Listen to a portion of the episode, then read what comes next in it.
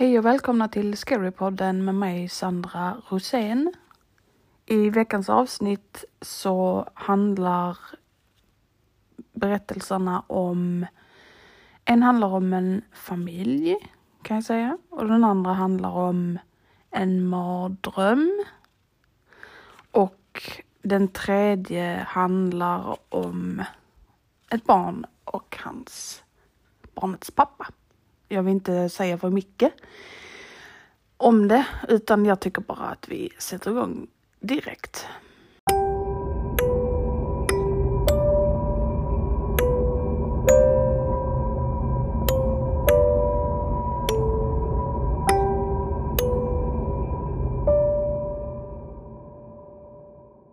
Jag har aldrig känt min mamma. Jag visste inte ens hur hon såg ut. Det finns inte en enda bild i vårt hus på henne och inte ett enda bevis på sociala medier. Idag skulle jag äntligen få reda på allt. Jag torkade min svettiga panna när jag svängde in på motorvägen och slog på gasen. Minnena från mitt förflutna kom in i mitt sinne när världen passerade förbi. Fader vår som är i himmelen. Snälla Herre, snälla acceptera henne i dina armar. Ibland kan det falla en tår, men då tittade han alltid på mig och vaka över min pojke. Min fars ansikte fyllde mitt sinne när jag svängde av motorvägen och in på den lilla gårdsvägen. Jag vet att jag har gjort ett misstag, Herre. Förlåt mig. Hans ord ekar i mina öron när jag passerar rader av majsfält. Var är mamma? Jag måste ha ställt den frågan tusen gånger när jag växte upp. Men svaret jäckade mig. Istället för att svara så vände han sig till flaskan. Dörren till min fars sovrum var alltid låst. Men en lördagskväll hade han druckit flaskan från nästan lock till botten. Söndag morgon hittade jag honom uppkrupen bredvid sin säng med ett kors som han greppade hårt i handen. Det var första gången jag någonsin varit i hans rum. Det var dränkt med religiösa lära. Sidor av Nya testamentet hängde till och med i taket. Sidorna blev mer, mer och fler när jag närmade mig ett skåp i hörnet av rummet.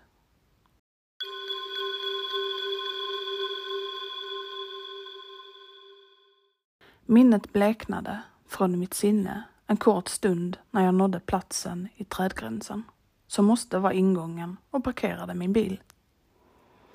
Skåpet var helt täckt av sidor att jag knappt kunde se något träd alls. Jag drog bort en sida och hoppade förvånat tillbaka.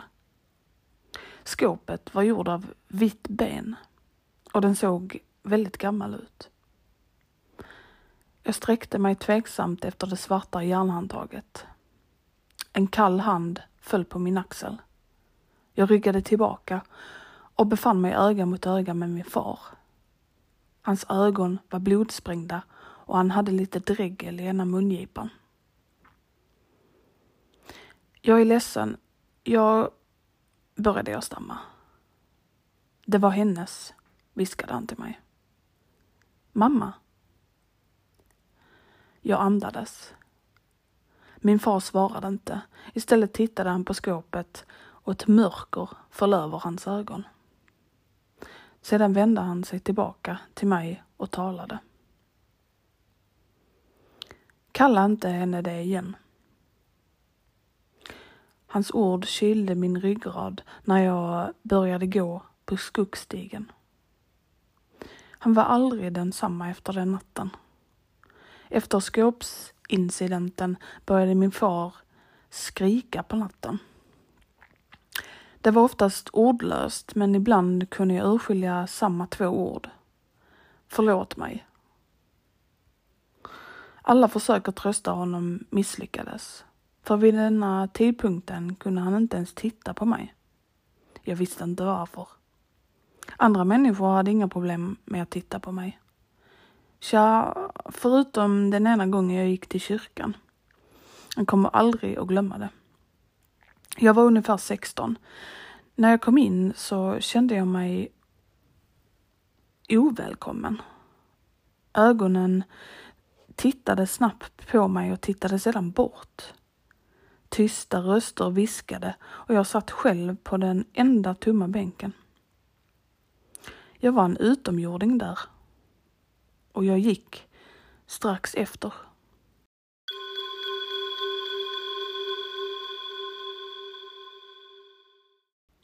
Stigen mörknade fort.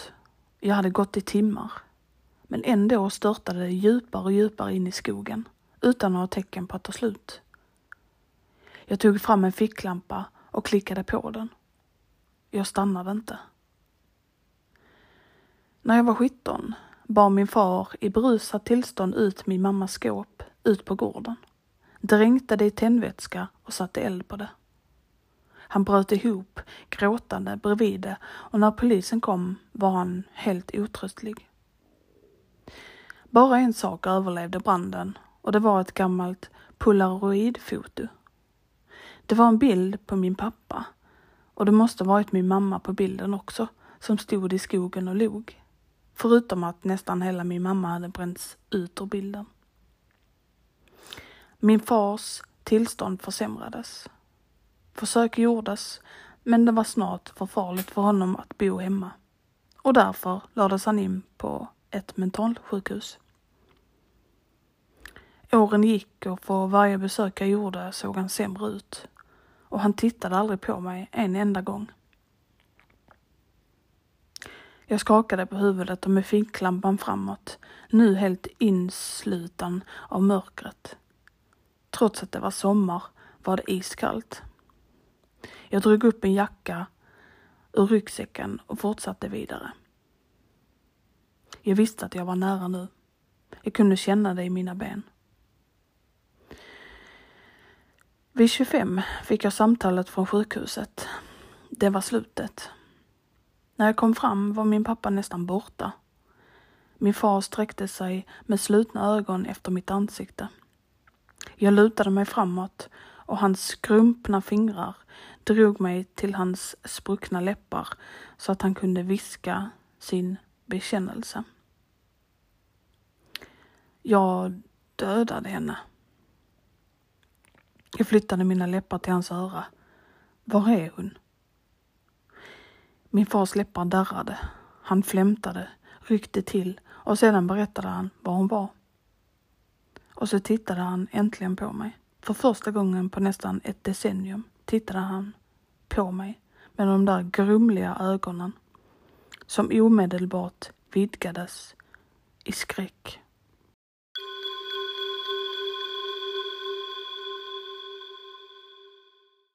Du har alltid liknat henne så mycket, gnällde han. Och så var han borta. Äntligen hittade jag graven. Det fanns ingen gravsten, men det stora bleka trädet ovanför gick inte att eh, ta miste på. Jag satte min spade i jorden och grävde tills mina händer var blodiga. Äntligen var jag klar. Jag drog en suck och slängde spaden. Kistan var handgjord, onaturligt bred och täckt uppifrån och ned i Nya testamentet. Jag rörde vid locket och ryckte till. Den var brännhet. Jag tog tag i spaden igen, bände upp locket, öppnade kistan och lyste med ficklampan mot min mors ben. Hon hade blivit halshuggen och hennes huvud vilade på bröstet, var det första jag såg. Hennes tänder var som spetsiga knivar och en hel mun av knivskarpa hörntänder. En iskall kyla slingrade sig från toppen av min ryggrad till botten av mina tår. Jag tog ett djupt andetag och tittade sedan förbi hennes huvud på resten av hennes kropp. Ficklampan föll från mina händer och kastade mig in i mörkret medan jag skrek. Vingar! Benen av stora taggiga vingar låg utspridda ovanför hennes axlar. Jag vände om och spurtade iväg blint in i skogens mörker. Mitt bröst brände, men jag stannade inte förrän mina knä till slut böjde sig och jag föll ihop på marken. Och så kände jag det. Det var som om två nålar trängde igenom min hud.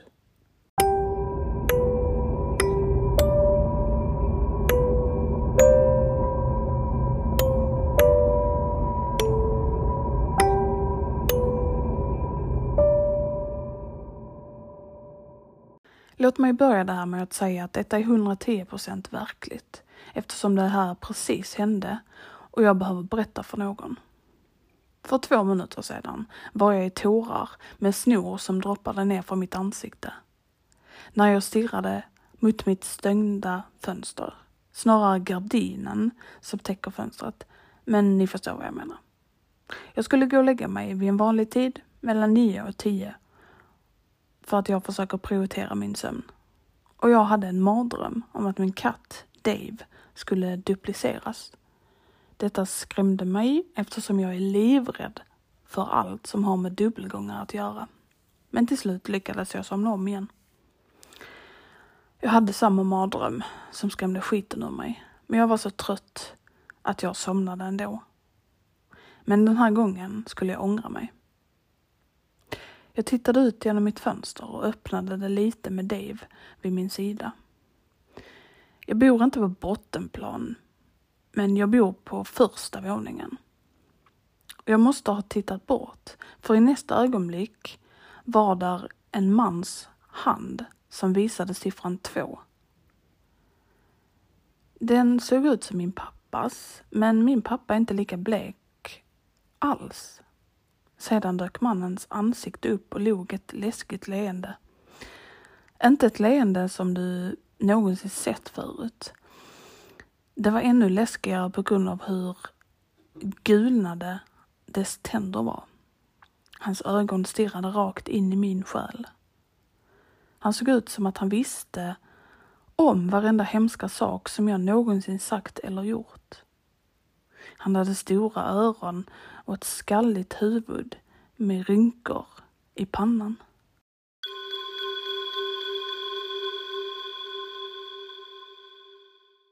Han var en av de personerna som du ser på gatan och tänker, åh, de gillar säkert små barn. Jag tror att ni förstår vad jag menar. Bredvid honom var dubbletten av min katt. Det riktiga var precis bredvid mig. Men jag svär att jag blinkade en gång och han hade tagit min pojke. Han stal min bästa vän och ersatte honom med djävulen själv. Jag är livrädd eftersom jag älskar min pojke.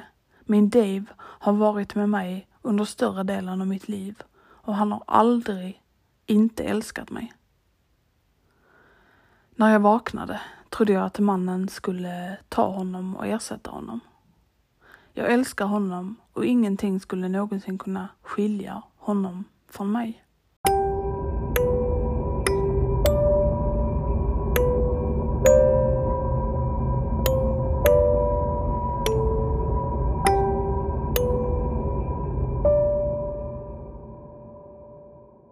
När jag var sex år gammal lärde min pappa mig att aldrig prata med främlingar. Jag förstod inte riktigt varför just då, men det som hände har jag lärt mig av och jag vet varför jag inte ska prata med främlingar nu. Men när jag var liten älskade jag att prata med människor. Jag frågade dem hur har din dag varit eller hur mår du idag? Min pappa var en ensamstående pappa som gjorde sitt bästa för att hålla saker igång. En dag tog han med mig till en lokal Walmart för att han var tvungen att köpa mat till kvällens middag. Vi hade verkligen inget hemma att äta. Medan vi var där så sa han åt mig att hålla mig vid hans sida hela tiden. Men jag ville inte lyssna alls.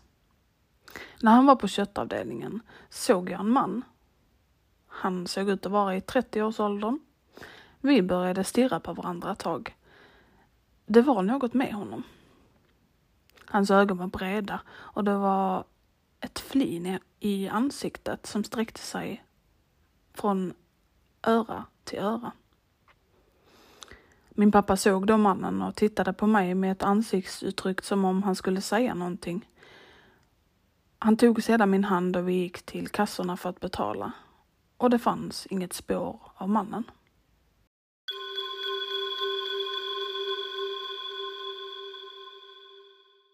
Min pappa drog fram sitt kort och betalade för maten och sen började vi gå mot utgången.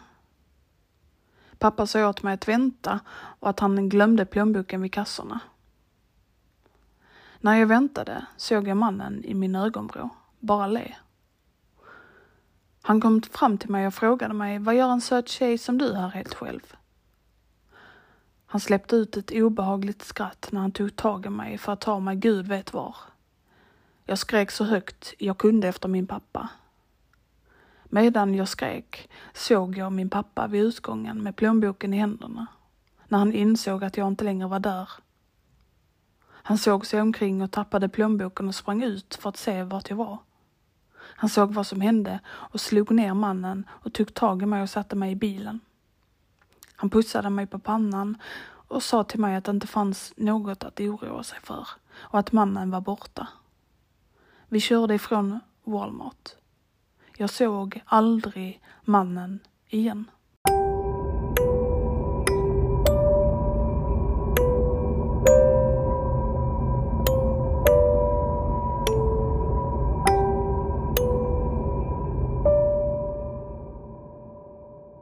Och det var veckans avsnitt.